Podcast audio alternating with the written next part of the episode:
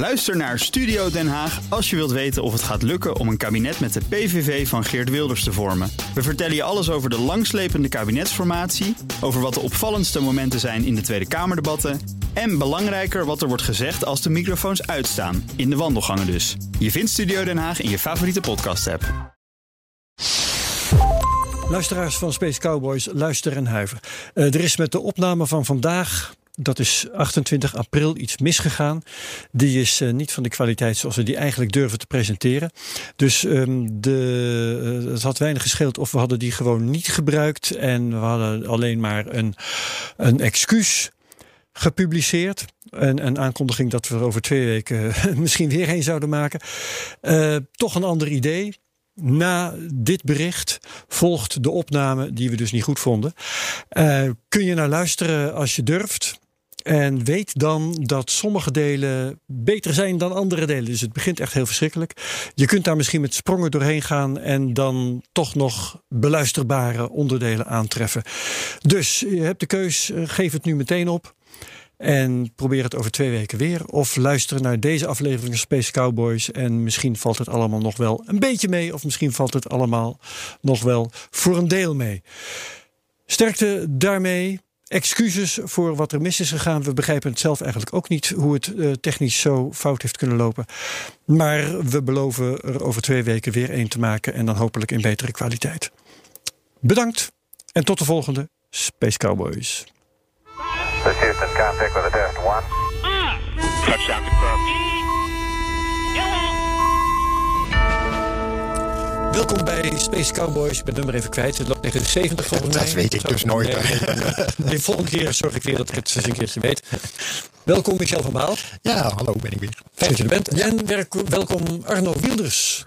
Als, goedemiddag. Gelegenheid Space Cowboy. Ja. Leuk dat je kon komen. Ja, leuk dat ik er ben. Ja, natuurkundige. Als contractor werkzaam voor uh, ESA. Ja. Ruimtevaartliefhebber. Absoluut. Alle reden om hier uh, jouw inzichten over uh, de ruimtevaart van de afgelopen twee weken te komen geven. Leuk. Um, ja, en waar gaan we het dus over hebben? Michel, wat heb jij in het vat? Nou, in ieder geval de miljarden van NASA, weet je wel. Want de, de, er is nu, wordt het natuurlijk wel duidelijk geworden dat het groot deel van, die, van de beroemde miljarden die vrij kwamen toen de Space Shuttle stopte, ja, dat, dat SpaceX of oftewel Elon Musk die, die dingen nu toch effectief naar zich toe aan het trekken is. Ja. Maar het laatste ontwikkeling was dat, dat meneer Bezos van van Blue Origin het daar toch echt niet mee eens is. Dus schijnt nu uh, een, uh, een, een, proces aangespannen te hebben om het een kans te maken. Dus dat in ieder geval. het gaat ruimtevaart gaat altijd over geld. En wat ook leuk is, ik zag dat Juice naar, naar Estek komt. Nou, dat zeg je waarschijnlijk niks, maar daar willen we het ook even over hebben. We gaan verklappen wat Juice is straks. Ja, we gaan uitleggen en waarom het zo leuk is dat, nee, dat die naar Estek komt, dus naar Nederland. Um, en misschien toch ook, ik las een interview met een nieuwe DG van ESA. En het is natuurlijk wel interessant, weet je al, zeker in deze huidige tijden met wat er allemaal gebeurt. Het was die Powell, geloof ik. Nee, nee, Aschenbach. Aschenbach. Ja, heb ik de, de, een nieuwe DG. En die heeft, uh, nou ja, ik meen, een DG is directeur-generaal? De directeur, de hoogste baas. Ja, en die heeft natuurlijk nog wel een uitdaging momenteel. Yes, yes. Arno, wat heb jij meegenomen? Nou, er was, vorige week was er een uh, grote conferentie, online natuurlijk, over space resources. Het gebruik van grondstoffen uit de ruimte. En dat was mede georganiseerd door ESA ook. Uh, met, samen met de Luxemburgse ruimtevaartorganisatie. En Luxemburg is natuurlijk van oudsher al daar erg bij betrokken. Hè, bij ja. het gebruik van ruimtegrondstoffen. En uh, dat was een interessante conferentie. Het is leuk okay. om te zien een paar nieuwe ontwikkelingen. En het, het, wordt ook duidelijk dat ESA daar een rol in wil gaan spelen. Dus dat is positief. Ja, oké. Okay. En wat ik heb jij? Paar, ja, wat heb jij? Ja, ja, ja, ja. Nou, ook een paar dingen. Uh, bijvoorbeeld wil ik het met jullie nog toch even hebben over uh, de Mars-robot Perseverance ja. en het helikoptertje. Gaat goed. Vind ik, het gaat goed. Uh, ik heb er ook een paar uh, dingen over te zeggen en, en te vragen. Uh, een nieuwe Voyager tussen aanhalingstekens van China. China wil het zonnestelsel uit. Ja. Um, misschien iets over de satellieten van Starlink die lager mogen vliegen dan de bedoeling was. Maar enfin, een aantal leuke dingen. Nou ja, en, en we moeten even stilstaan, want dat is actueel volgens mij. Dat, ik meen dat vandaag de eerste blok van het Chinese ruimtestation de, de lucht in ging. Ja, ja vandaag of morgen. Dat, ja. Dus dat is misschien toch ook iets om En had ik eigenlijk als eerste moeten noemen, en misschien moeten we daar nu meteen even over hebben. Kees de Jager wordt 100. Volgens mij morgen. Van harte 29 april. Ja. ja. Um, jij reageert het eerste en het snelst, Michel. Mm -hmm. um, Wat, eh, wat weet jij van Kees de Jager? Wat, eh, eh, Nou ja, dat is een icoon. Waarom is hij belangrijk? Ja. Ja. het is een icoon. Weet je, het is een icoon uit, uit de astronomie. En ehm, eh, je moet me niet vragen hoor, wat, misschien weet jij wat die, wat, waar, waar Kees precies inhoudelijk dan heel erg beroemd om. Maar ik, ik ben natuurlijk, ja, ik loop al wel wat enig tientallen jaren in de ruimtevaart mee. En het icoon Kees de Jager was er gewoon altijd. met- weet je, in de zin van, ja, het is, het is is eigenlijk een altijd geweest. iconische gezicht in de, in de ruimtevaart. zeer uitgesproken. Ik, waar ik nu kun je even over naast en ik, ik het meest herinner volgens mij is dat, dat vond ik echt briljant, dat hij op een gegeven moment, het is ook een beetje een sceptisch man, dus weet je, die, eh, die ook... eh, Skeptisch, de vereniging. de vereniging. Ja, ik weet niet of hij daar lid zo. van is, maar Ja. iemand die altijd eh, ook een beetje probeert om dat soort pseudowetenschap te ontkrachten.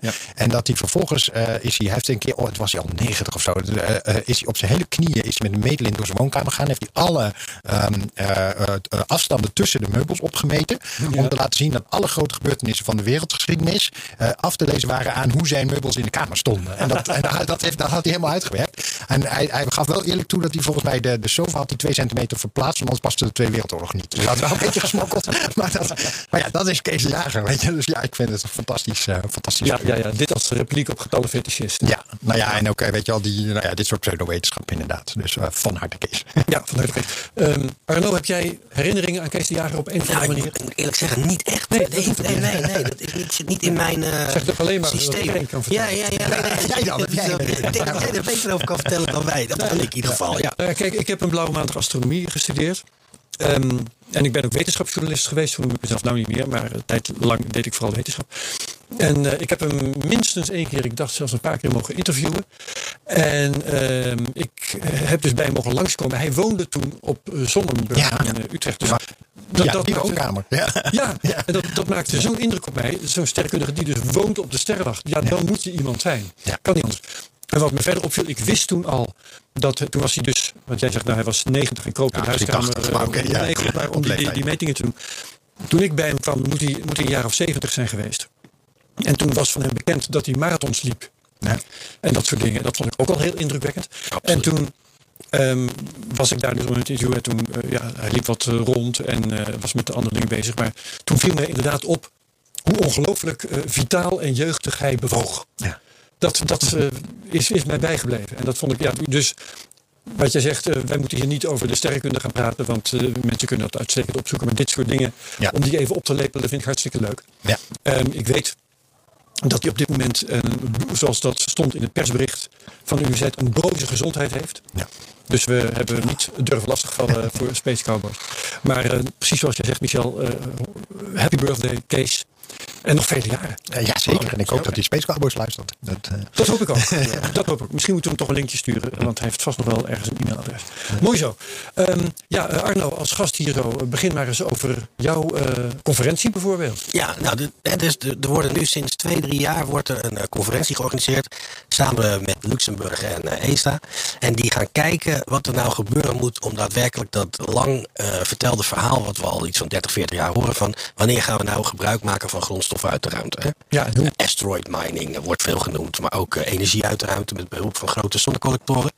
En daar werden een aantal. Tankstations in de ruimte. ja, tankstations in de ruimte, precies. Nou, alhoewel, die, als je in de toekomst gaat kijken, denk ik dat die tankstations binnen vijf jaar wel gerealiseerd zijn. Want er zijn ook daadwerkelijk bedrijven die er al aan bouwen. Ja, dan moeten er wel missies zijn die dat, die dat eh, kunnen gebruiken. nou, Starship toch? Dus dat, dat, dat, Ja, dat, ja, dat- absoluut. ja. Ja. Starship moet dat gaan gebruiken. Die gaat leeg, eh, komt die in een baan Want terecht. als ik over dingen, dit soort dingen lees, dan kom ik vooral tegen dat precies die tankstations dat dat het meest realistisch is.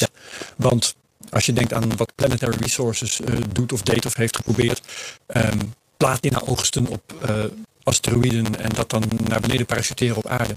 Wat meer wild, volgens mij. Ja, maar dat, dat- iedereen, ik, ik denk dat dat, ik denk dat ze in het allereerste begin hebben ze dat voorgesteld, Ja. maar ze schakelden al heel snel over naar water.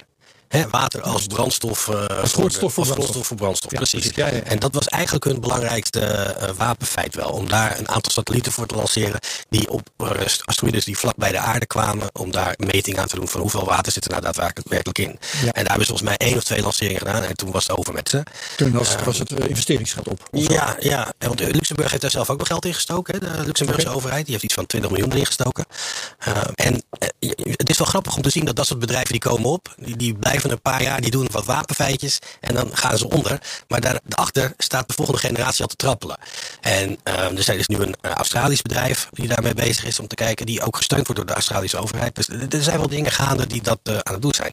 En wat er nu op die conferentie heel erg gebeurde, vond ik heel grappig om te zien, is dat eh, iets van de helft van de sprekers die erbij waren, waren ook gewoon ESA-medewerkers. Dus- was dat nieuw? dat vond ik vrij nieuw, ja. Dus er waren mensen die bijvoorbeeld eh, betrokken zijn bij een aantal nieuwe competities die opgezet worden. Om te kijken naar eh, bijvoorbeeld in-situ resource utilization. Het gebruik van grondstoffen om eh, te overleven op de maan of op Mars of Ja. in de ruimte.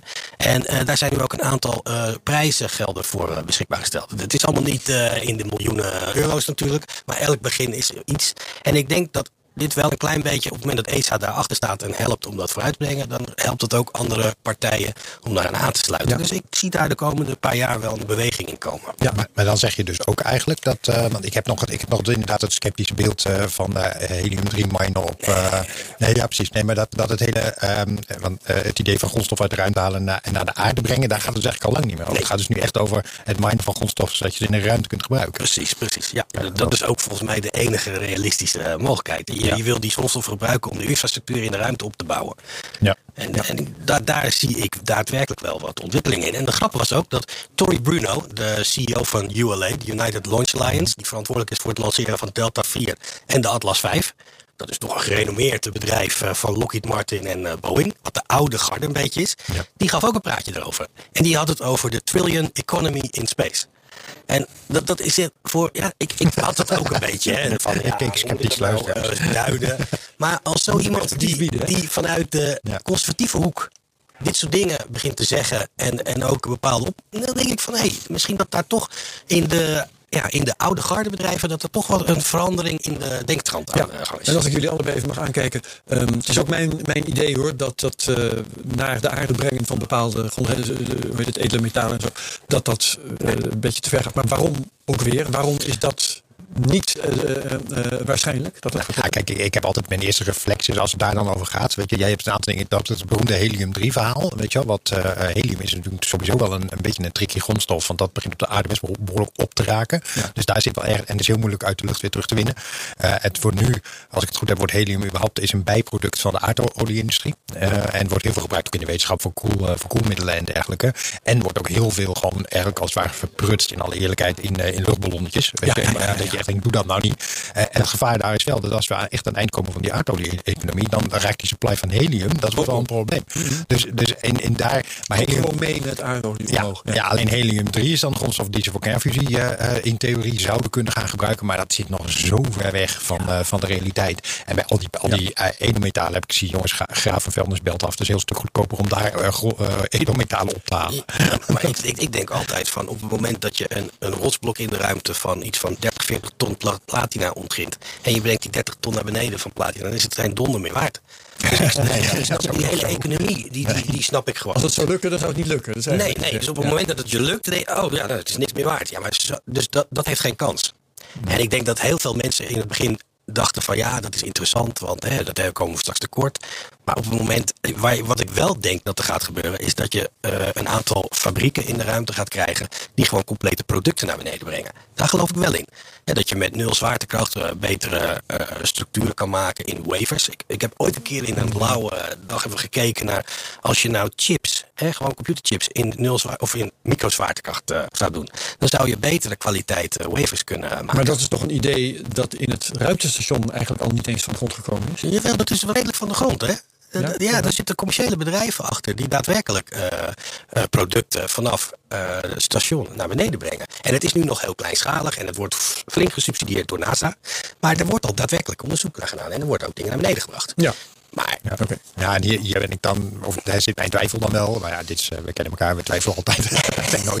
Nee, maar twijfel, twijfel wel in de zin dat je denkt van ja, heel vaak eh, zie je dan toch daar vaak dat die aardse innovatie, die A, veel sneller is dan die innovatie in de Space Station. Weet je, want dat is een heel tijdrovend proces wat je daar hebt. Dat, dat de kans heel groot is dat je de aardse innovatie dit proces toch weer inhaalt. En Ja, dan ja. uiteindelijk lijkt me bijna niet te doen om zo'n eh, specifiek proces, misschien aan de technologieontwikkeling kant, hè, dat je zegt van nou, we hebben op een gegeven moment een oplossing waarvan je zegt van, ja, we hebben gevonden hoe het moet. Weet je, dan gaan we het op de aarde vervolgens proberen te doen. Weet je, aan die kant me nog voorstellen. Maar aan de productiekant. Het is wel grappig dat je dat zegt, dat die innovatie in het ruimtestation langzaam gaat. Dat Ja. komt natuurlijk omdat alles wat je daar doet heel erg duur is. Dus je investeert helemaal... Nee, nee, nee. nee, Oh, dat- jullie zijn het eens. Ja, oh, Nee, het heeft met geld te maken. Nee, dit, nee, het heeft met, met, de, proces- met tijdrovende processen te maken. Ah, zo. Oké, dus, dat ja, ja, dus voordat jij een, een, een, een, een, onderzoekje hebt eh, eh, opgezet, weet je, en dat helemaal door, door de pijplijn hebt getrokken, het dan ook daadwerkelijk gelanceerd is. Weet je, en dan vervolgens is het boven. En dan werkt iets net niet helemaal zoals je wil. Maar die astronaut heeft er ook geen verstand van. Die zet gewoon een knopje om.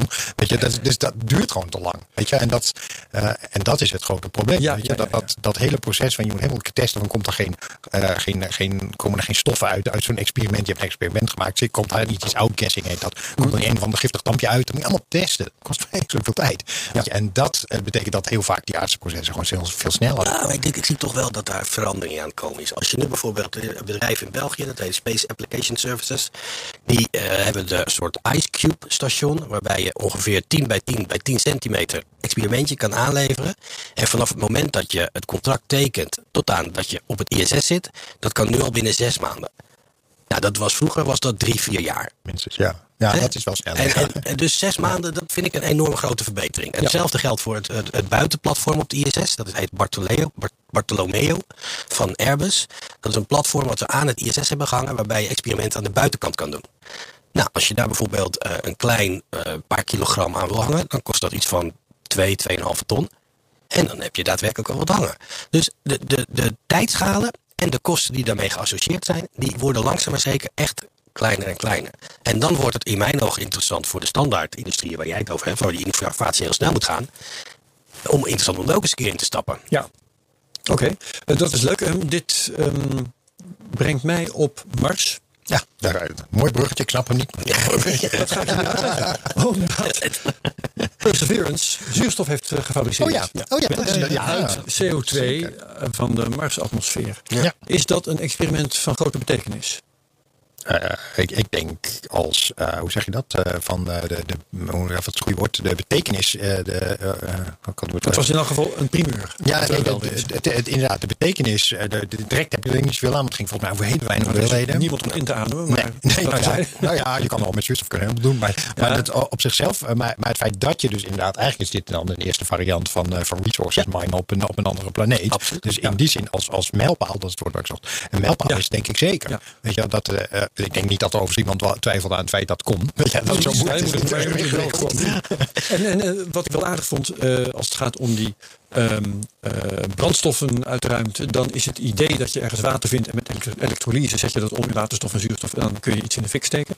En dat is hier ook aan de hand, want volgens mij hebben ze in elk geval met gebruikmaking van elektriciteit, want iets anders hebben ze niet, hebben ze ehm, CO2 omgezet in zuurstof en koolmonoxide. Ja. En die zuurstof is daar dan een product van. Dus, dus hè, het uitvoeren van zo'n proces, Ja. Ehm, dat hebben ze aangetoond. Dat kan. Dat, Ja. dat lukt ons dus. En wat ik ook wel interessant vond. eh, ze hebben in een uur tijd een hoeveelheid van 5 gram zuurstof gemaakt, uit mijn hoofd gezegd. Dat zou dan genoeg zijn voor een mens om 10 minuten te ademen.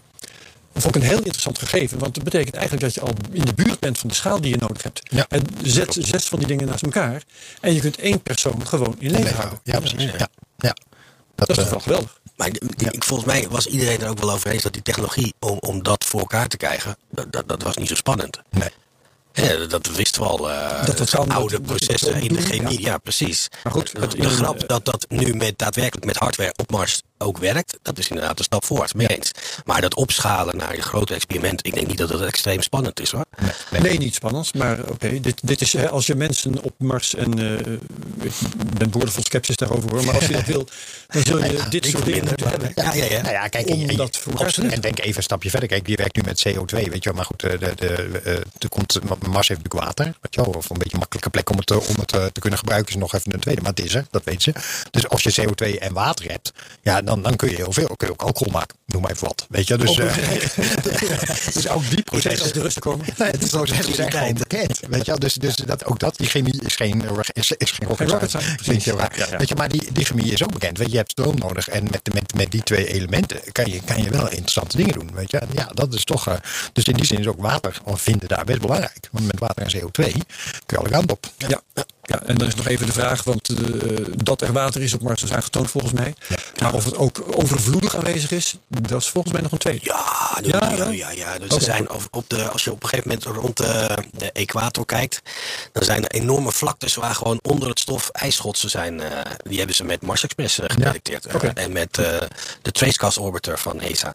Dus da- daar is men wel over eens dat er een behoorlijke hoeveelheid water op Mars is. Ja. Ja, ja, ja. Zullen we dan doorgaan met het helikoptertje, de Ingenuity, Ehm, die intussen twee of drie vluchten heeft. drie Drie, volgens mij. Drie, Drie. alweer. Ja, eentje Want, eh, en de laatste ging uit, eh, uit beeld. De, ja, de eerste ging alleen naar boven en naar beneden. De tweede ging naar boven en dan eh, draaien. En misschien ja, volgens mij was het een uurtje, dus een stukje opzij en dan op een, naar beneden op een andere plek. En de derde ging echt eh, een heel eind weg. Ja. 800 meter of zo. Maar wat mij opviel, dat was dat ik las, en dat wist ik tot voor kort niet, dat ehm, die helikopter eigenlijk al bijna klaar is. Ja, ja, ja nee, Die gaat nog, nog twee vluchten doen of zo. Ja. En dan gaat Perseverance rollen. Ja. En dan is het einde helikopter. Dat vond ik wel ontnuchterend. Want dan, dan weet je, ik dacht dat het tot nu toe was. We gaan even wat vluchten doen om te kijken of je het doet. En dan gaan we echt ermee aan de slag. Maar dat is helemaal de bedoeling niet. Nee, nee, dat is proof of concept. Dus laten zien dat het kan. Ja, weet je, ook dat, eh. Maar voor de rest, ja, het probleem denk ik, maar ik, misschien weet jij het beter maar het, het probleem is dat, dat, dat je niet alleen die helikopter laat eh, vliegen, maar dat je ook weer redelijk veel resources van Perseverance zelf nodig hebt. Weet je, kofferbindingen. Dus die, die, moet, die moet heel veel taken verrichten om die helikopter te laten vliegen. Ja, en op een gegeven moment, ja, die resources zijn schaars. Wat wil je ermee doen? Met dat ding daar de hele tijd laten staan om, eh, om een beetje dat eh, dit helikoptertje te laten vliegen. Ja, dat is natuurlijk ook niet de meest nuttige inzet eh, na een aantal Nee, keren nee. Van, dus volgens mij is dit tijdelijk. Ik meen dat er ook maar drie vluchten gepland waren. Vijf, volgens mij. Vijf, oké. Nee, vijf vluchten dan. En daarna is het inderdaad sloes. Eh, Dankjewel voor de moeite. Dan gaan we andere dingen doen. Maar ja, eh, proof of concept is leuk, maar dan heb je dus een concept bewezen. En de bedoeling daarvan moet toch zijn dan om later eens een keer een helikopter te hebben die echt dingen gaat doen. Hoe moet dat dan gaan? Dan zet je daar dan wel een robot naast die niks Nee, nee, het, gaat, het, helikopter gaat om, het gaat om dat je een, een goede eh, wetenschappelijke instrumentatie aan boord van de helikopter hebt. En elke kilo die je eraan plakt, moet je ook weer zoveel kilo aan batterijen erbij plakken. En dus, Ja. het, is een soort eh, ja, never ending story met dat ding. Je kan hem niet zo zwaar maken. Dus dat is ook volgens mij een van de redenen waarom ze er op een gegeven moment mee stoppen. Er zit geen echte wetenschappelijke eh, instrumentatie aan boord. En daar zijn ze nu wel mee bezig, geloof ik. Hè? Een helikopter die dan wel Ja. eh, 10 kilo of zoiets Ja, en ze zijn natuurlijk bezig met eh, de Dragonfly voor Titan. Eh, dat van, bij de John Hopkins University eh, zijn ze mee bezig om te bouwen. vertel even iets meer. Wat doet dat? Eh, de Dragonfly is een, eh, heeft een nucleaire batterij. Oh ja. En die gaat naar Titan, die wordt daar losgelaten. En die heeft ook, eh, die, het is een soort drone. Die gaat op eh, Titan een aantal vluchten maken. Maar daar zit gewoon alles in de drone zelf. Ja, daar, dus- maar daar heb je ook eh, een, een truc waar je wat mee kan. Ja, toch? precies. Dus dat is dan op aarde. Dat Dus is dat is dat, eh, ja. Dus ja, dat is iets makkelijker. Dat is veel makkelijker. Ja. En hij is ook nog een keer eh, met een nucleaire batterij uitgerust. Dus je hebt genoeg energie. energie beschikbaar. Precies. Ja. Ja. Ja. Oké, interessant.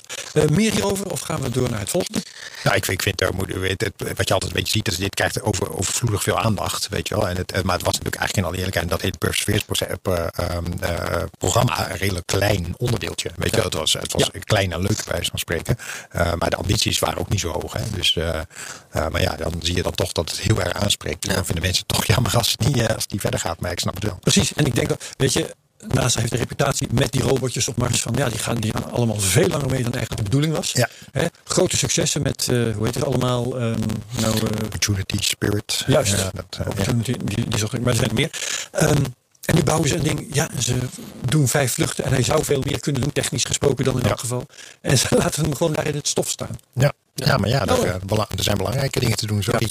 Nee, zeker. is het. En hij is ook blijkbaar zo gebouwd eh, dat er geen, eh, zeg jij Arno, dat er geen instrumenten aan boord zijn. Ja, dus dus als eenmaal cameraatje bewezen is dat hij kan vliegen, ja. dan, dan ben je eigenlijk klaar. Ja. Dan heb je er niks meer mee te doen.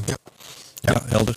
Michael, ehm, want eh, we hebben een onderwerp van Arno gedaan. Eentje van mij nu, dan ben jij. Ja, nee, eh, toch nog weer even naar, eh, naar, naar SpaceX, denk ik. Eh, Ja. en, en toch de, de, in- de verrassende en deels ook weer niet in de categorie, dat zei ik vijf jaar geleden al, eh, mededeling dat, eh, dat SpaceX inderdaad dat eh, het programma voor die NASA-lander op, op, maan, op de maan heeft eh, binnengesleept. Ja, SpaceX bouwt de maanlander voor NASA. Ik weet niet, heb je het twee weken geleden of gehad? Dat weet ik eigenlijk niet zeker. Eh, Ik denk, volgens mij dat- was het daarna, toch? ik weet het niet meer. Ja, nou ja, laten we het gewoon De aankondiging was vorige week. Oh ja, nee, dan moet dat, dan was dat, eh, Ja. dan, ja. En dat dat is natuurlijk wel heel bijzonder. En wat, wat eh, kijk, dat op, in zekere zin is het niet verrassend, maar wel opmerkelijk dat NASA gezegd heeft van, van we, we, we- we kiezen maar één partij eh, om die lander dan te bouwen. Waar SpaceX zegt, we gaan gewoon eh, een Starship gebruiken.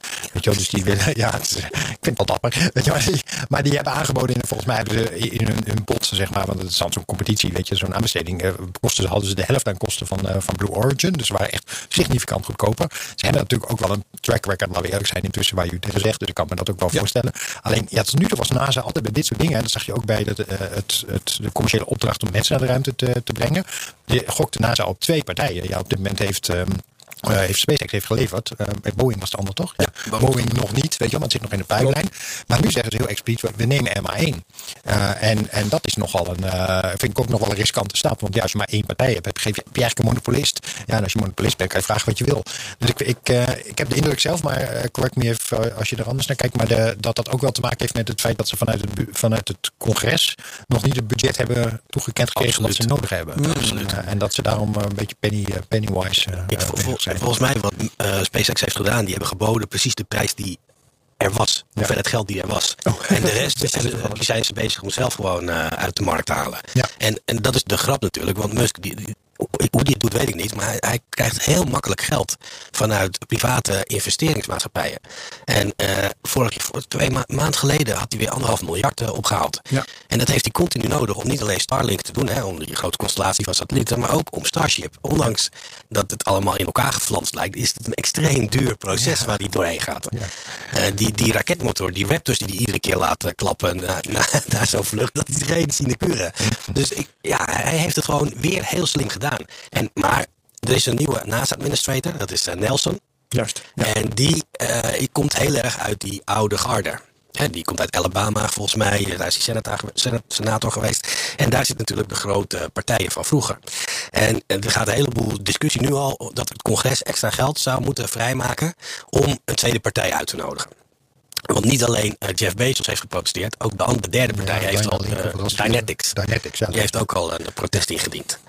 Oké. Nou, Nou, dat- die protesten steek? Ja, die van Dynetics misschien wel. Maar het probleem met het voorstel van Bezos is geweest, is dat hij een aantal eh, vooruitbetalingen had gevraagd in het contract. En dat was specifiek uitgesloten. Dus hij, zijn voorstel, ook al hebben ze dat misschien meegenomen. heeft. Ja, dat is een beetje een raar iets. ehm, ehm, maar ik denk, dat er bij, ik denk dat er bij Blue Origin het komende jaar heel veel gaat veranderen. Want Bezos heeft gestopt met Amazon natuurlijk. En hij heeft gezegd, ik ga nu fulltime op Origin eh, focussen. En ik denk dat dat heel hard nodig is.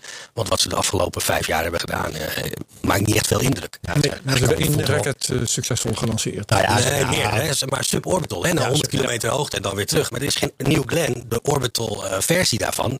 Ik heb alleen een fairing gezien. Voor de rest nog helemaal niks. Nee. Nee, maar, maar als je, eh, ze, ze hanteren wel precies dezelfde filosofie als eh, SpaceX gedaan heeft. Ik, ik heb laatst het boek van Erik Berger, eh, Liftoff, zitten lezen. Echt een aanrader over de eerste jaren van SpaceX. En daar, daar zie je inderdaad dat, dat zo'n Falcon 9 eh, eigenlijk ook gewoon een opschaling is van, van wat ze bij Falcon 1 allemaal hadden uitgevogeld. Weet je? Dus, eh, dus ze wilden eigenlijk nog een Falcon 5 tussen, maar er was geen tijd voor. Dus ook te meteen voor de hoofdprijs. Weet je, en dat is SpaceX natuurlijk ook aan het doen. Weet je, die, die, die Big Glenn, eh, klopt dat? New Glenn. New Glenn. Die New Glenn is een opschaling van, van, die, van die raket die ze nu gebruiken voor die orbitale hopjes. Wat natuurlijk al op dit moment een volledig achterhaald concept is eigenlijk. Ja, nee. Maar eh, ik vind het een heel groot verschil tussen een, eh, want dat is New Shepard, hè, die naar 100 kilometer hoogte gaat. Ja. Eh, Als dat als voorloper ten opzichte van Falcon 1, wat echt daadwerkelijk een orbital eh Ja. eh, capabele raket was. Dus daar zit nog wel een verschil tussen. Maar dat als Bezos daadwerkelijk zich gaat 100% gaat focussen op Origin, dan verwacht ik dat binnen twee, drie jaar dat daar daadwerkelijk een nieuw Glenn moet staan. Oh, oh, hebben jullie trouwens het filijne grapje van Elon Musk nog meegekregen? Naar, eh, in de, toen eh, Bezos... eh um, Probeer eens. nou, dat, eh, dat Musk twitterde als reactie op, op het bericht dat Bezos in, eh, in, eh, ehm, in, pro- in protest aantekende. bij- Dat uh, twitterde die, dat twitterde die eigenlijk ter, richting Bezos. Jij krijgt hem niet omhoog.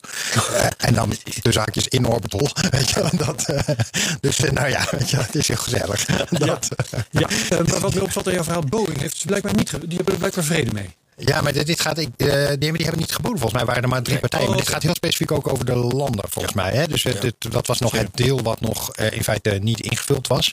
Ja, en dit is natuurlijk wel allemaal gewoon wel diep treurig voor dat hele SLS-project. Weet je wel, wat die SLS nou nog gaat doen? Behalve één keer ceremonieel vliegen, dat vraag ik me echt serieus af. Ja, ik denk dat we hier ons al heel ja, dat, eh, dat precies. Over, daarnet, ik weet niet meer wie van jullie het zei, kwam eh, Nelson te sprake, hè, de NASA administrator. Toen jij in de inleiding daarnet vertelde wat jij te melden had, toen had je het over een interview met de ehm, wat was de naam? Een andere functie, andere naam. De Eh, directeur-generaal. Directeur-generaal van ESA. Ja, van ESA, pardon. Ja, dat haal ik door elkaar. Ja. Dat, dat was het. Goed zo, maar nog- ja, ga daar maar eens mee verder dan. Nou, nee, ik wil nog even één ding, wat, ik, eh, eh, wat me ook opviel, en dat is een zijstraatje van waar we het over hadden, is dat eh, ik ergens in artikel wat ik las ook de prijs zag van wat ze vragen voor een passagier in Crew Dragon. Weten jullie dat? Wat, wat SpaceX vraagt voor één voor mijn hoofd niet. is wel een keer voorbij gekomen. Wat denk je dat ze vragen? Eh, een, een ticket naar het ruimtestation. Ja, dus gewoon na NASA. hè. De prijs die NASA betaalt aan SpaceX voor, voor één persoon. Het zal wel all-inclusive zijn, hè? dus ik krijg wel Met eh Draxel. iets meer. Iets meer. Oké, nee, ik zou, ik zou eh 5 miljoen uit mijn duim gezogen hebben. 55. Oh ja, dat is waar En ook, dat- want de Russen vroegen 80. Ja, ja en dat, maar dat, dat vond, ik- daarom vond ik het ook opmerkelijk. Want de Russen vro- vroegen 80, maar dat was, dat was natuurlijk echt de uitknijpprijs. Weet je wel? Dat, Ja, eh, de- monopolist, zoals je al zei. Ja, die hebben, ik heb ooit iemand een staartje zien twitteren die, eh, die, die liet zien hoe die prijs waren al in die lopen jaren omhoog gegaan was. Volgens mij komen die van 15 of zoiets dergelijks. Ja, weet je? en, die, dus, dus de, wat, wat, en dan is wat ze kost waarschijnlijk nog minder. Hè? Dus, dus een, een eh, oké, je krijgt wat minder luxe all-inclusive in alle eerlijkheid. Maar een Soyuz, eh, eh, inderdaad, een Soyuz eh, stoeltje kost de Russen waarschijnlijk, nou, want dat zijn 15, Ja, ja, zoiets 15 ongeveer. miljoen euro. En, en dit kost NASA 55. Hè? Weet je, dus het is in de categorie waar, waar haalt Musk zijn geld vandaan? Echt goedkoop is hij ook niet. hoor. Nee, nee, nee, nee. Maar, waar, maar dat, ik, ik snap dat compleet. Je bent als enige die op dit moment kan leveren. ja. Waarom zou je goedkoop zijn? Nee. Hij probeert gewoon zijn ontwikkelingskosten eruit te halen. Ja. En, maar als je heel eerlijk kijkt met Falcon 9 lanceringen, waar die nog steeds 60 miljoen voor vraagt. Die 60 miljoen die heeft hij echt niet nodig om hem omhoog te gooien. Nee. Het zit meer, denk ik, tussen de 10, 15. Dan heb je het wel. Dat is een interessante vraag. Ik zou het niet weten, maar ik ben. eh, eh, ik, weet bijna, ik heb een aantal dingen voorbij zien komen. Ik denk dat het echt niet meer dan dat is. ja, dan is het opeens heel duur. Ja, ja. Maar goed. Schreef toe aan de directeur-generaal van ESA. Eh, ja, ja dat, ik, ik las het, eh, het artikel met eh, de nieuwe directeur-generaal van ESA, wie, wiens naam ik nooit heel onthouden. maar Jij weet het. Jozef Aschbacher. Ja, de voormalige directeur aardobservatie. En ik moet zeggen, uit mijn ESA-tijd ken ik hem nog wel in die rol, zeg maar. Dus de, de naam is me ook niet onbekend. Maar die is nu directeur-generaal. en toen bedacht ik me wel van, nou, dan heb je inderdaad momenteel echt best wel een uitdaging. Weet je, er liggen, het is natuurlijk heel interessant waar, waar Europa met zijn ruimtevaartprogramma naartoe wil. Je zou best kunnen zeggen, laat ik maar zeggen, anders makkelijker, dat, dat ze op bepaalde vlakken echt de boot wel gemist hebben. En dan eh, zeker natuurlijk met eh, waar het, het vlaggenschip eh, lanceren betreft, weet je wel. Dat ja, je hebt- heeft Europa denk ik echt een probleem. Dus ik ben wel, ik ben wel benieuwd wat, wat daar gaat gebeuren. Weet je, wat die, eh, hoe ze dat gaan, gaan aanvliegen. En, en wat de, of de, deze man voor een nieuwe wind gaat zorgen. Want in de ESA-dynamiek, waar natuurlijk landen allemaal belangen in hun eigen industrie moeten behartigen, zeg maar, nog niet zo heel makkelijk is. Nee. Ehm, nou, nu we dan toch in Europa zitten. Juice is onderweg naar SDEC. Ja. die Ja. die dan meteen ook maar eventjes. Ja, nou ja, die Wat is zaten- juice? Juice dat is veel leuk onderwerp. Engels woord voor sap in ieder geval. Ja, nee, ja, Oh, ja, ja, dat, dat, dat- ik Arno, weet vertel jij wat juice is, want jij hebt jaren gewerkt, waarom zou ik het doen? JUICE is de Jupiter Icy Moons eh, Explorer. Oké. Ja, dus wat die gaat doen is die gaat... Ijsmaatjes eh, van Jupiter onderzoeken. ja, die gaat eh, ongeveer 10 jaar vliegen vanaf de aarde naar Jupiter. Als hij daar eenmaal is, doet hij een aantal flybys van Europa. En eh, hij gaat naar een paar flybys van Callisto doen. Maar uiteindelijk moet hij in een baan rondom Ganymedes komen. Oké, dat zijn, dat zijn echt de, de Galileo-maantjes. Ja, De en- grote- en- dus drie van de vier grote maanden Ja, van ja. IO wil je niet naartoe hè, vanwege het hoge stralingsveld. Ah, eh, extreem hoog stralingsveld bij IO. En naarmate je verder van Jupiter wegkomt, kom je in een wat eh, vriendelijkere omgeving terecht. Waarom is dat zo eh, bij IO? Oh, het is te dicht bij Jupiter. Ja. Oh, dat is er. Ja, het magneetveld is extreem sterk van eh, Jupiter. Dus daarom heb je dat eh, veld. Eh, dus dat, eh, dat wordt dus heel spannend. Het is een gigantisch eh, ruimteschip. Het is gewoon een ruimteschip, kan je gewoon eerlijk zeggen. En daar zitten tien instrumenten op. omvang, eh, Ja, hoe groot is dat dan? Ja, drieënhalf geloof ik. eh, Meter? ja. Oké. Ja, dat vind ik groot. Nog geen autobus, maar oké. Ja, maar hij komt aardig Het is geen. Effiat, maar het is wel een flink jongen. Ja.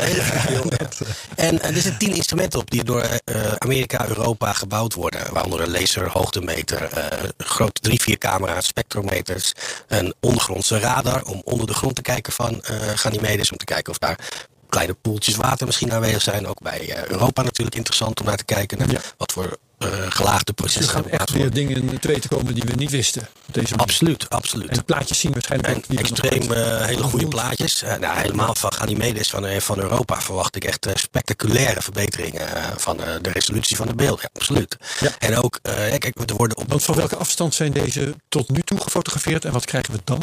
nou ja, de- we praten de, de technologie van de laatste beelden is Galileo geweest.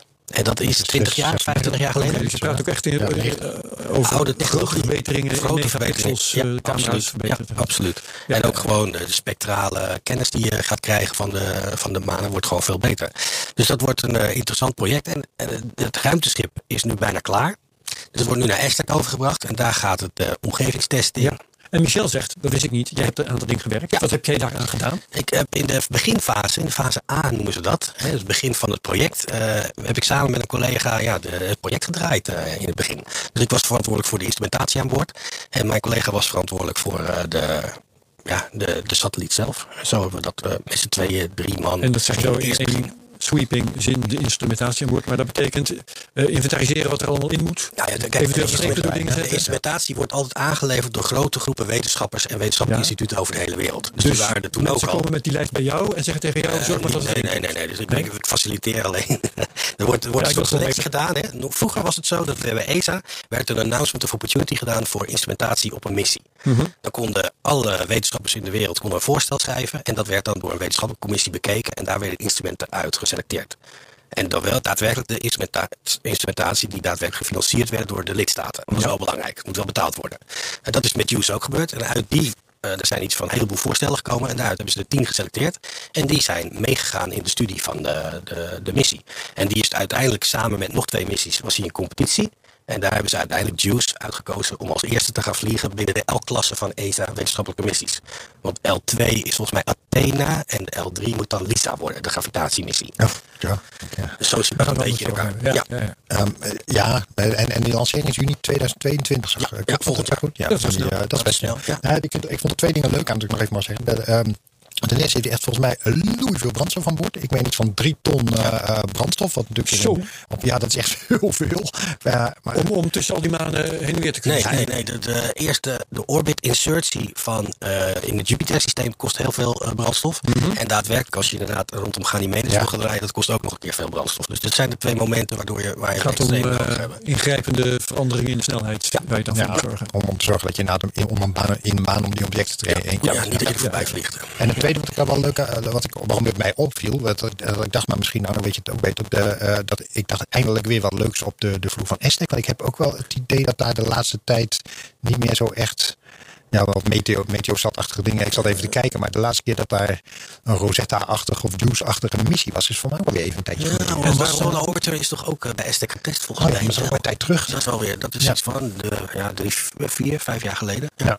Ja, eh, waarom komt dat ding naar Aztec? Voor trilproeven of zo? Ja, de me- meestal gaan ze naar IJsdijk voor, eh, om, omdat daar je de grote faciliteiten hebben waar je, waar je trill- en temperatuurproeven en dergelijke kan doen. En eh, soms ook, eh, het zal ook wel in dit geval eh, geluid, weet je. Dus dat, eh, de, dat zijn ook trillproeven, maar de akoestische trillingen. Ja. Die, eh, en daar heb je in Aztec hele grote faciliteiten voor. Eh, waarom, waarom ik het ook wel leuk vond, eh, is omdat eh, er een periode is geweest dat je, dat je vanuit Space Expo eh, met het treintje zeg maar, naar, eh, op bezoek komt. Want eh, de, de, de, de, de testcentrum heeft een mooie, mooie galerijen waar je dat allemaal kan bekijken zonder eh, in de weg te lopen. Ehm, eh, en dat zal qua corona momenteel wel stil liggen, maar misschien dat dat ook weer een beetje op gang komt. En in dat verband is het dan wel weer leuk als er inderdaad eh, weer iets op de vloer is wat, eh, nou ja, wat, wat aansprekend is. Dus eh, Ja. mocht, mocht je daar belangstelling voor hebben en mocht het weer open zijn, kan ik het iedereen van harte aanbevelen. Ja, dat is een beetje even langs te tuffen. Ja, Ehm, oké. Eh, Arno, wat had jij nog meer? Eh, nou, eh, zit ik even te denken? Nou ja, we hadden, we, we hadden het net heel even over dat Chinese ruimtestation. Juist, die moet nog. Want eh, dat is wel echt spectaculair wat eh, de mensen daar aan die kant van de aarde aan het doen zijn, als ik heel eerlijk ben. Ik, ik, ik heb het idee dat er in Europa nog steeds een klein beetje gedacht wordt van, nou, Neem me niet serieus. moeten we dat nou allemaal wel serieus nemen? En ik denk dat dat, dat ongeveer tien jaar te laat is. Je had ze tien jaar geleden al Je serieus toch wat willen denken dat je toe moet doen. eh, ik, toevallig voor één project waar ik bij ESA voor heb gewerkt, eh, ben ik een aantal keer in China geweest en heb ik de faciliteiten kunnen zien. En die zijn eh, schrikbarend groot. Ja. Eh, dus ik, ik, wil- ik vergeet nooit meer dat we bij één partij waren. En die hadden een hele grote cleanroom en een hele grote testcentrum. En toen zeiden ze, ja, dit is nog een beetje klein, want we gaan volgende week gaan we verhuizen en dan wordt het twee keer zo groot. En wij stonden al te kijken, van, wat is dit?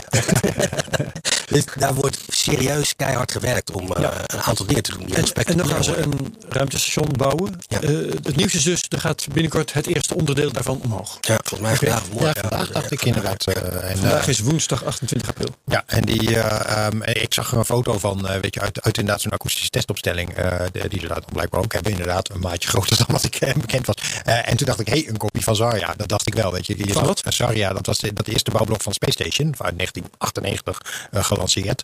Weet je, dus ik zag wel een bepaalde architectuur waarvan ik denk, hé, hey, die komt me wel bekend We voor. gejat. Nou ja, de harde realiteit is natuurlijk wel dat, de, dat als je nu kijkt naar het Chinese programma, is, is dat ze het daarna over het algemeen heel veel beter doen. Weet je, dus, dus het is, die tijd dat ze iets kopiëren is wel voorbij. Maar ik zag wel, eh, ik dacht wel van, hé, die structuur die ken ik wel. Weet je. Maar Dus is bekend ehm, hoe groot dat ruimtestation zelf dan wordt? Wat ze ermee willen? Nou, ik, eh, ik heb er een plaatje van gezien, wat volgens mij uit een stuk of vijf van dat soort modules eh, eh, bestond, zoiets dergelijks. Dus dat is wel een, een slag kleiner dan, dan Space Station. Mhm.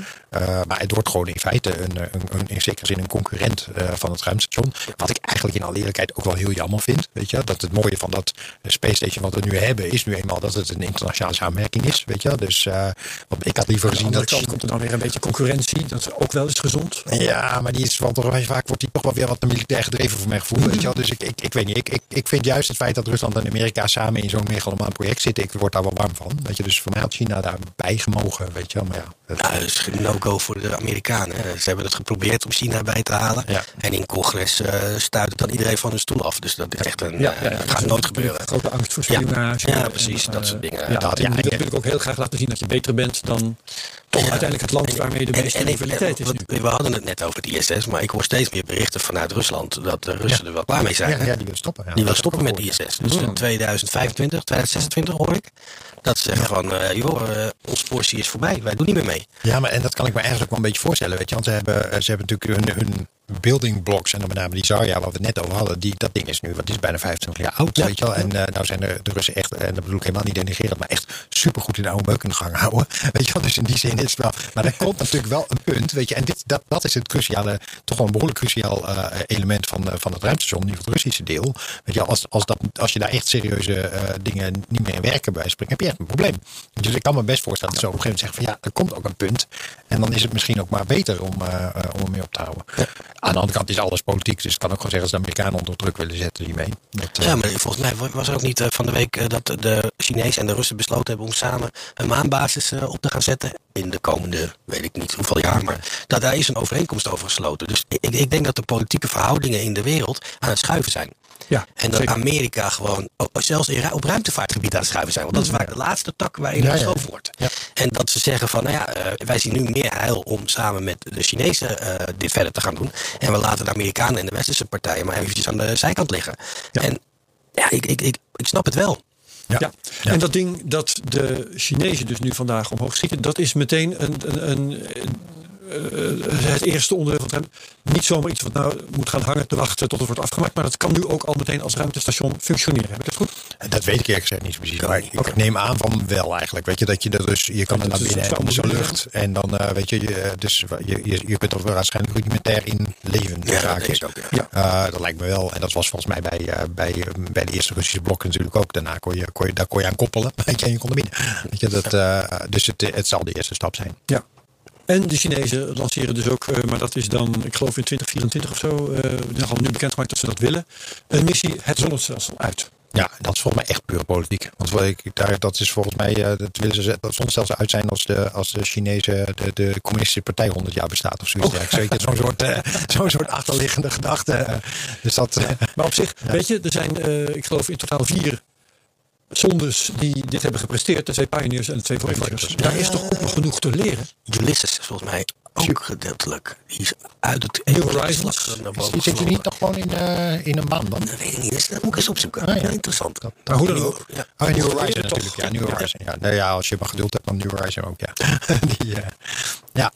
ja ik, ik weet niet hoor of dat zo is. Ja, dat oké. is eh, ik, ik, ja, vraag ik me een beetje af. Weet je, je hebt het natuurlijk over. Je krijgt, het gaat dan om de interactie tussen volgens mij dat deel van de, nou ja, om de zonsinvloed, om het zo maar even te zeggen, en dat deel van de interstellaire, ja, interstellaire ruimte als je daar dan buiten komt. Ja, ik, ik, heb, moe, ik heb toch wat moeite om, maar ik ben geen natuurkundige, wat moeite om me voor te stellen hoe in- dat dat interessant is. Op een gegeven moment is het voor mij best wel leeg. dat, Er zijn nog steeds astronomen die hoog opgeven van de data die Voyager, Ja, ja. de Voyagers. Nee, zeker. Maar hoeveel additionele kennis je daar dan nog uithaalt, dat, nou ja, ik weet niet. Ja, misschien ontschat ik dat gewoon. maar- Oh ja, de magneetvelden in het internationale medium is wel interessant om eh, uit te zoeken. Dus ik kan me voorstellen dat daar een groepje nog steeds heel interessant naar kijkt. Ja. Maar ik, ik, ik ben met je eens dat het meer een politiek eh, iets is dan wat anders. Maar dat is wel, dat is in mijn ogen typisch hoe de Chinese ruimtevaart werkt. Er worden heel veel missies voorgesteld. En er worden ook heel veel gelanceerd. Dus dat daar ook zo eentje weer tussen zit. Want ze zijn ook bezig met een soort Hubble Space Telescoop die ze aan hun ruimstation willen gaan koppelen. Hé, is dat handig? Eh, weet ik niet, qua trillingen weet ik niet. Misschien dat hij ook weer los kan koppelen als hij onderhouden is. Ik weet niet precies hoe de de details maar daar wordt nu aan gewerkt om die ook binnen een paar jaar te lanceren. Ja, ja. Dus er zijn heel veel ambities. Eh, en met één partij in de, in de overheid kan je heel veel bewerkstelligen. Juist, geen congres dat elke paar jaar Ja, weer aan de budget ja, is dat scheelt toch. Ja, Ja, ja, dat ja, lekker weten. Ja. Goed, hebben we nog iets? Nou, ik niet. Heb jij nog, had jij nog wat op je lijstje? Daar zit ik nu naar te kijken. En eh, volgens mij zijn de belangrijkste dingen wel eh, langsgekomen. Nou ja, we hebben SN15 natuurlijk. Nee, ja, oh, de, ja, de boom van vrijdag. Die gaat Geen boem. Boem of geen boem. Komende vrijdag? Is dat Ik, ik, ik weet dat gisteren was er, of gisteren of eergisteren was er een static fire. Ja. En vandaag was er één, want ze moeten er twee doen. En er werden geen raketmotoren uitgewisseld. Dat is, heel positief. Een, een eh, vastgeschroefde raket wordt aangestoken. De static fire. Ben ik nou Ja, ja, ja, ja, ja, hij staat ja, op de grond. En eh, gedurende één of twee seconden worden raketmotoren aangezet. En dan gelijk weer uitgezet. Om te kijken of inderdaad de druk binnen de motor oké is. Eh. Simpel verhaal. Maar deze SN15 is, was geloof ik wel wezenlijk anders dan die, die vorige. Weet je daar meer van? Nou, ik, als je kijkt naar de buitenkant van het schip, zie je dat bijvoorbeeld de hoeveelheid thermische protectietegels, dat is nu echt een heel groot vlak geworden. Dus daar kunnen ze nu daadwerkelijk wel sig- significante goede data uithalen, als dat lukt. Ehm, maar hij is heel erg eh, op de vlakte gebleven over de andere 100 verbeteringen die hij eh, heeft gedaan. Ik heb daar weinig over gehoord of gelezen. Dus, eh, En dit is wel weer gewoon na 10 kilometer en dan proberen niet, boe- niet boem te doen. ja, precies. Dus, eh, en wat ik begrepen heb, want er zijn een aantal van die gasten waar jij het de vorige keer ook over had, die NASA Spaceflight, die dat continu volgen, Ja. die hadden het erover dat waarschijnlijk de landing niet op drie motoren zal gebeuren, maar op één. Dus dat zou ook weer iets anders zijn. Daar Dat is extra moeilijk. nou, of ze hebben geleerd. nee, Kijk, ja. als je ze alle drie ontsteekt, dan hebben ze, en ze moeten heel veel bewegen, want eh, zoals gimballen, zoals we dat noemen, Ja. dan, dan heb je grote kans dat ze elkaar een beetje in de weg zitten. En dat zou voor instabiliteit kunnen zorgen. Als je er maar één hoeft te ontsteken, dan is dat veel makkelijker. nou, je hebt gewoon minder kans op dingen die fout gaan. Ja. Weet je? Dus in die zin is. eh, maar blijkbaar heeft één dan genoeg vermogen om Ja. dat te doen. Ja. Dat, maar waarom hebben ze dan niet met, met drie gedaan? Ja, Omdat- omdat, dat straks als hij vol zit natuurlijk niet, eh, niet meer lukt. Ik denk dat uiteindelijk moet je met drie het gaan doen. Ja. Maar En hoeveel moet hij er hebben als hij gaat vliegen? Is dat, eh, volgens mij blijft deze iets met... Nou, nee, ik zou het niet durven zeggen. Ik dacht dat hij bij drie bleef. Oké, nee, maar ik meen dat de, de, de uiteindelijke de ultieme Starship die ze ooit willen bouwen, dat die er veel meer nog had. Ja, maar dat is de, de onderste trap. Oh, dat is een ons. Ja, die, die praten ze over 27 of 31. Bizar, hè? Ja, een soort N1-complex. eh, wat je, Over boem gesproken. Nou, als die klapt, dan eh, klapt die echt. Oké, maar dat moeten we dus afwachten. Ja. Vrijdag. eh, Nee, wanneer was het nou? Ja, of Ja, morgen of vrijdag, een van de twee dagen. Ja, en dan had ik eigenlijk alleen nog de Starlink-satellieten. De- Oh ja. Er is een procedure om bij de FCC, de Federal Communications Commission, Commission, gedaan te krijgen dat eh, de Starlink-satellieten lager mogen vliegen. Dat is gunstig voor het vermogen. Ze zouden dan naar 540 tot 570 kilometer gaan. Blijkbaar zitten ze nu hoger, maar dat wist ik eigenlijk niet precies. Ja, er zit op 6 zoveel, 700 zoiets. Ehm, ja, dat is dus wel een aanmerkelijk verschil. Dan Ja. is het makkelijker om daarmee te communiceren. Ja. Ehm, maar het is ook gevaarlijker, begrijp ik. Eh, Ja, je hebt er waarschijnlijk ook een wel- drukkere ruimte. Dat, en je hebt, er, eh, je hebt er wellicht ook wel meer nodig dan. Want als ze lager zitten, dan. Meer eh, juist. Nou, ik zou zeggen dat als ze lager zitten, gaan ze harder. Dus dan heb je ook. Ja. eh, ehm, eh, zijn ze ook sneller weer weg, bij wijze van spreken. Maar ik weet, dat weet ik niet helemaal hoe dat werkt in de praktijk. Ja, volgens mij hebben ze sowieso hebben ze een, een vergunning voor iets van 10, 12.000 hebben ze al rond met de FCC. Maar dat is, Dat het is stuks. Een stuk, ja. Maar wat, wat mij heel erg verbaast, want ik raak heel veel in discussie met mensen over Starlink. Ik vind het persoonlijk een fantastisch project. Mhm. Maar er wordt door heel veel mensen gezegd dat het allemaal troep is wat ze En, en ik snap het wel. Dus ik, waar ik hoop eigenlijk dat het een beetje gebeurt, is dat de FCC niet alleen die beslissing kan nemen. Want het is alleen maar een Amerikaanse partij. ja. en dat is dus eigenlijk een beetje vreemd. Ja, dus, dus waarom is er niet iets wereldwijd waar elke land bij aangesloten is die zegt van nou, eh, het is wel allemaal leuk wat jij daarboven probeert te doen, maar hou je alsjeblieft wel aan deze, Ja. deze, deze regel. maar Congo heeft ook nog ruimte nodig, bij wijze van spreken. Ja, je zou daar wel, dat, ik vind dat wel een argument wat je zou moeten hanteren, ja. En, en dat de FCC in Amerika zomaar zegt van, nou joh, plump maar vol. Ja, doe, dat- doe nog maar drie. Ze ja, nog niet doe nog maar drie van dit soort systemen. Ja. Nee, maar ook, sowieso. Het dat alsof de ze- neuzen die kant op gaan, Ja. maar dat is, niet het is niet alleen Starlink. Hè. We hebben nu OneWeb, wat aardig bezig is. Gisteren weer 36 omhoog. Eh, ik- als Amazon daadwerkelijk het gaat doen en Kuiper komt van de grond, wat ik wel denk dat gaat gebeuren, dan komen er weer 1000, eh, 1200 bij.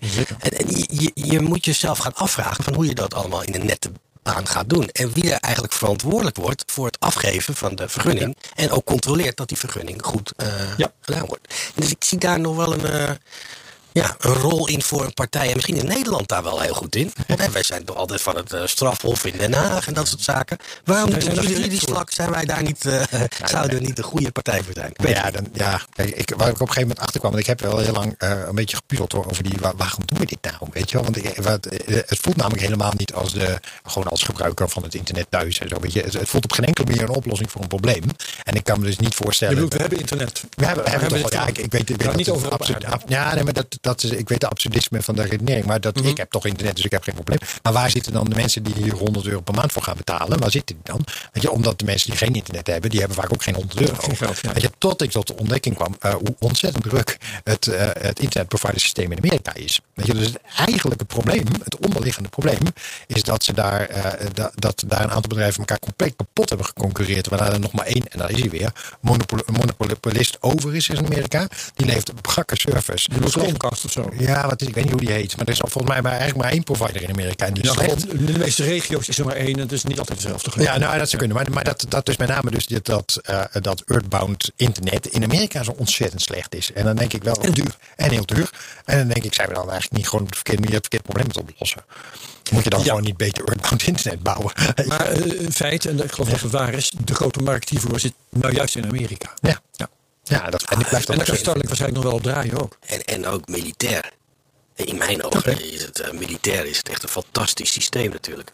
Dus Ik begreep ook dat eh, de, de, of het nou DARPA was of de Amerikaanse leger heeft nu al een opdracht gegeven aan SpaceX om te kijken of ze eh, zo'n ontvanger echt gewoon in een, een soldatenpak kunnen integreren.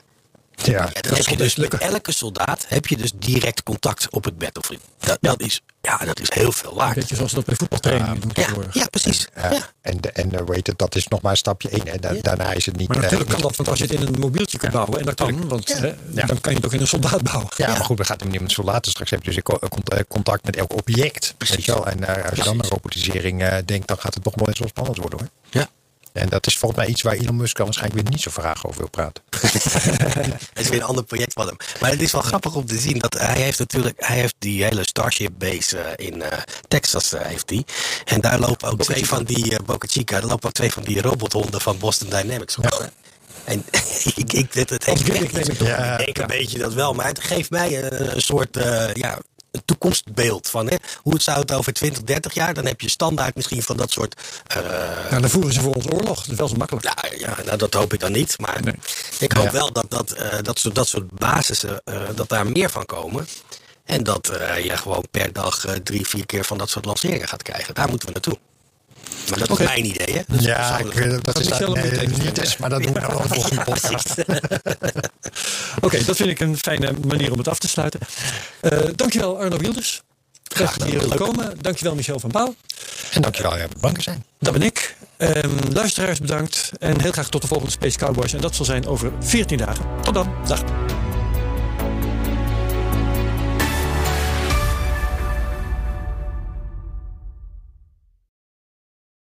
Ook Bas van Werven vind je in de BNR-app. Ja, je kunt live naar mij en Iwan luisteren tijdens de ochtendspits. Je krijgt een melding van Breaking News. En niet alleen onze podcast Ochtendnieuws, maar alle BNR-podcasts vind je in de app. Download nu de gratis BNR-app en blijf scherp.